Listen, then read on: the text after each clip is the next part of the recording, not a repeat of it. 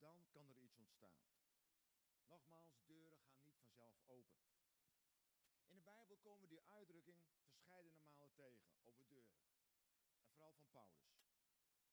Als hij gevangen zit, stuurt hij een pastorale brief aan de gemeente van Colosse. En in Colossense 4, vers 3 staat, en bid dan ook voor ons, dat God deuren voor ons opent om het mysterie van Christus te verkondigen, waarvoor ik gevangen zit. En bid ik het mag onthullen. Mooie beeldspraak, hè? Paulus, hij zit gevangen en hij bidt, Heer, geef mij geopende deuren. Maar dat zijn. Hij bidt voor ons. Dat God deuren voor ons opent om het mysterie van Christus te verkondigen. In 2 Korinthe 12 heeft Paulus het weer over een deur. Toen ik nu te Troas was gekomen om het evangelie van Christus te prediken en mij een deur geopend was in de Here, puntje, puntje, puntje, puntje. Dus de Heer had kennelijk van tevoren een deur open gedaan. In Handelingen 14, vers 27, als de apostel na zijn eerste zendingsreis terugkeert naar Antiochië, dan vertellen ze de gemeente welke grote dingen God gedaan heeft en hoe hij voor de heidenen de deur van het geloof geopend had. En in 1 Korinthe 16, vers 9, horen we hem zeggen dat God in Efeze een grote en krachtige deur geopend had. Kansen en nieuwe mogelijkheden dus. Maar tegelijkertijd, voegt Paulus er aan toe, zijn er ook veel tegenstanders in Efeze. Het hebben van een open deur wil dus niet altijd zeggen dat het gemakkelijk gaat. Integendeel. Maar God is er wel bij. Hij zorgt voor geopende deuren. God geeft mij geopende deuren. Het is een gebed dat ik heel vaak bid, bijna wekelijks. Als ik me in de week voorafgaand aan een cabaretviering of een preek zoals vanmorgen, mij voorbereid op zo'n dienst, dan vast ik 24 uur. En dan bid ik God of Hij in de geest alvast aan het werk zal gaan voor die dienst van die zondagmorgen of zondagmiddag of avond. Of God in de geestelijke wereld deuren van mensenharten wil openen. Om gelovigen moed te geven, om andere mensen uit te nodigen, bijvoorbeeld voor een cabaretviering. Om niet-gelovigen uit te nodigen. En ik bid ook dat persberichten die in de kranten staan, dat die gelezen worden. Dat mensen aangeraakt worden. En dat ze denken van, hé, hey, dat is apart. Geen dominee op de preekstoel, maar een cabaretier, wil ik wel eens zien. En dat ze uit nieuwsgierigheid zullen komen. Want ik weet, ik kan mensen niet bereiken. En Jasper zei het vanmorgen ook al even, ik weet dat God het moet doen. Hij wil me enkel gebruiken. In het verleden heeft hij al veel deuren voor mij geopend. Toen ik ooit in 1999 als vrijwilliger in het Stadstheater in Leeuwarden een talkshow deed, een Theater Romein, deed ik op een gegeven moment mijn eerste cabaretshow. Ik had er helemaal nooit voor geleerd, ik was gewoon een hobbyist, het leek me leuk. En vervolgens heb ik die gaven, die talenten kunnen inzetten in onze gemeente. Om de blijde boodschap te vertellen door middel van cabaret, theater. En vervolgens in allerlei kerken en gemeenten in het hele land. En baal ik hier nou van? Integendeel, ik vind het prachtig. Bij Psalm 37, gedeeld door 4, zeg ik dat God de wensen van mijn hart kent. En als je in Hem verheugt, dan krijg je wat je nodig hebt. En dat is volgens mij een van de sleutels die een dichte deur kunnen openkrijgen. Verheug je in de Heer.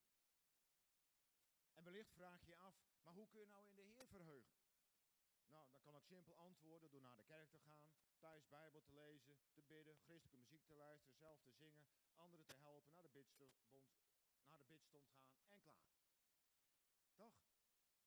Maar het christelijk geloof is geen optelsom van, nou ja, zoveel maal zingen, keer bidden, gedeeld door.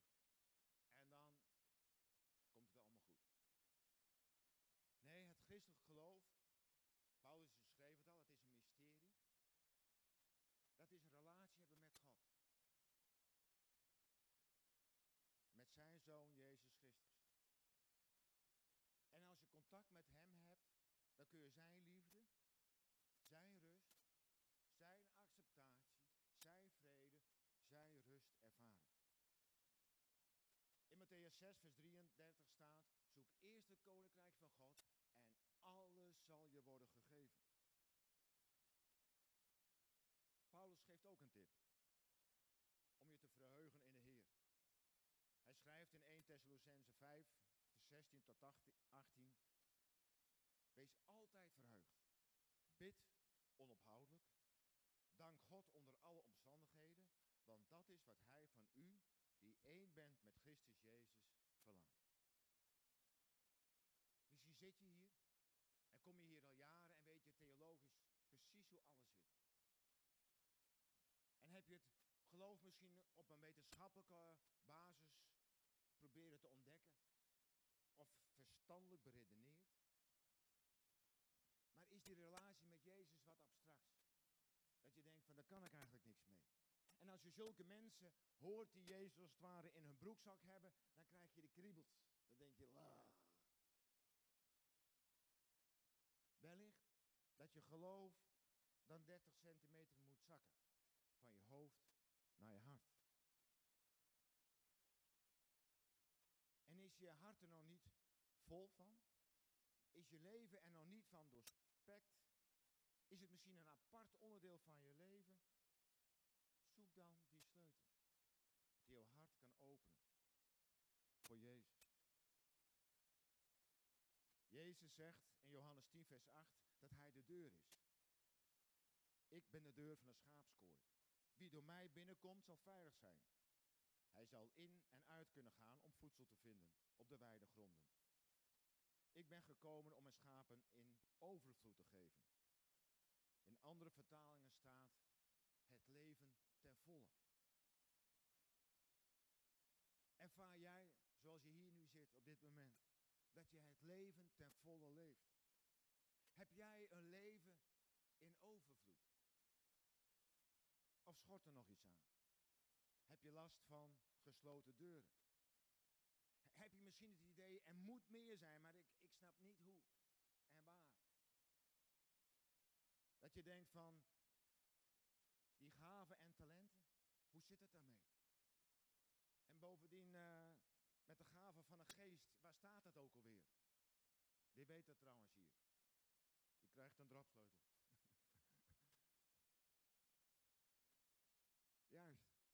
Als ik zou zeggen van waar staat het grote hoofdstuk in de Bijbel over de liefde, dan zegt iedereen 1 Korinthe 13.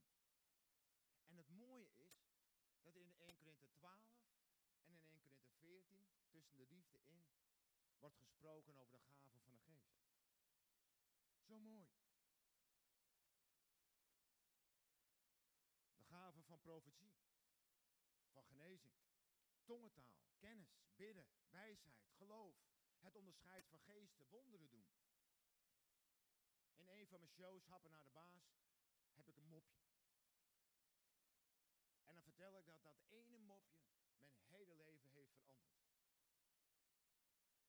En ik zei, dat mopje gaat als volgt. Iemand die komt in de Bijbel, eh, in de hemel. En die krijgt een rondleiding van Petrus. En op een gegeven moment zegt Petrus van, nu komen we bij een vertrek en dan kunnen we beter eigenlijk zegt, ik wil wel even kijken wat er in, dat vertrek is. Nou, zegt Petrus, dat is de schatkamer van de hemel. Oeh, maar daar wil ik wel kijken. Nou, zegt Petrus, dat is vaak een beetje pijnlijk, laten we maar snel doorlopen. Maar degene die blijft maar een beetje doorzeuren. En op een gegeven moment zegt Petrus, oké, ehm, ik doe de deur open van de schatkamer. En degene ziet er allemaal prachtig mooie cadeaus. En het ene is nog mooier en nog groter en nog mooier verpakt dan het andere. En degene die kijkt zo die zegt van, oh, daar staat mijn naam op. En daar staat mijn naam op. En zelfs op dat hele grote cadeau, daar staat mijn naam op. Maar Petrus, hoe kan het dat al die schatten hier opgeslagen liggen in de schatkamer van de hemel? Nou ja, zei Petrus, toen je op aarde was, heb je er nooit naar gevraagd.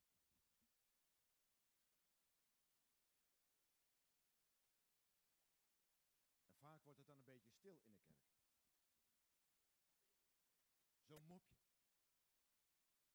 Dat blijf je onthouden, misschien vergeet je alles van de preek. sleutel. Want je hebt er nooit om gevraagd. Ik heb voor sommige gaven heb ik heel specifiek gevraagd. Toen ik hoorde wat het inhield en wat het effect was. Bijvoorbeeld de gave van tongentaal. Dat het handig is in een geestelijke strijd als je bijvoorbeeld wordt aangevallen. Als je in de vuurlinie staat als evangelist, cabaretier. Kan de gave van tongentaal, als je die bezit, je geloof opbouwen. Dus ik vroeg erom. In Jacobus 4, vers 2 en 3, daar staat, u hebt niks, want u hebt er niet om gevraagd. Je hebt niks, want je hebt er niet om gebeden. Ik denk van, dat zal mij niet overkomen. Als ik later in de hemel ben en daar liggen nog mijn gaven. Daar liggen mijn schatten. Dus noem een, een sleutel twee. Vragen naar. Bid erom. Elke week staan hier mensen bij de etagères. Het wordt wat rustiger de laatste tijd. Het nieuwste is eraf. Mensen vinden het kennelijk lastig om uit de rijen te stappen, om naar voren of naar achteren te gaan om gebed te vragen. Maar in een geestelijke wereld zet je een stap. Je staat op en je loopt naar iemand toe. Er zijn mensen die je de handen woorden van God willen communiceren. Die voor je willen bidden. Soms zit je hier misschien en dat je denkt van, ik voel het trillen. Ik voel mijn hart kloppen. Ik zou eigenlijk moeten, maar ik zou niet durven. Ik blijf maar zitten. Ik wil je vanmorgen aanmoedigen. Om toch op die hartkloppen in te gaan. Soms rammelt God op jouw deur. Dat de Heilige Geest klopt. Neem stappen. Kom in beweging.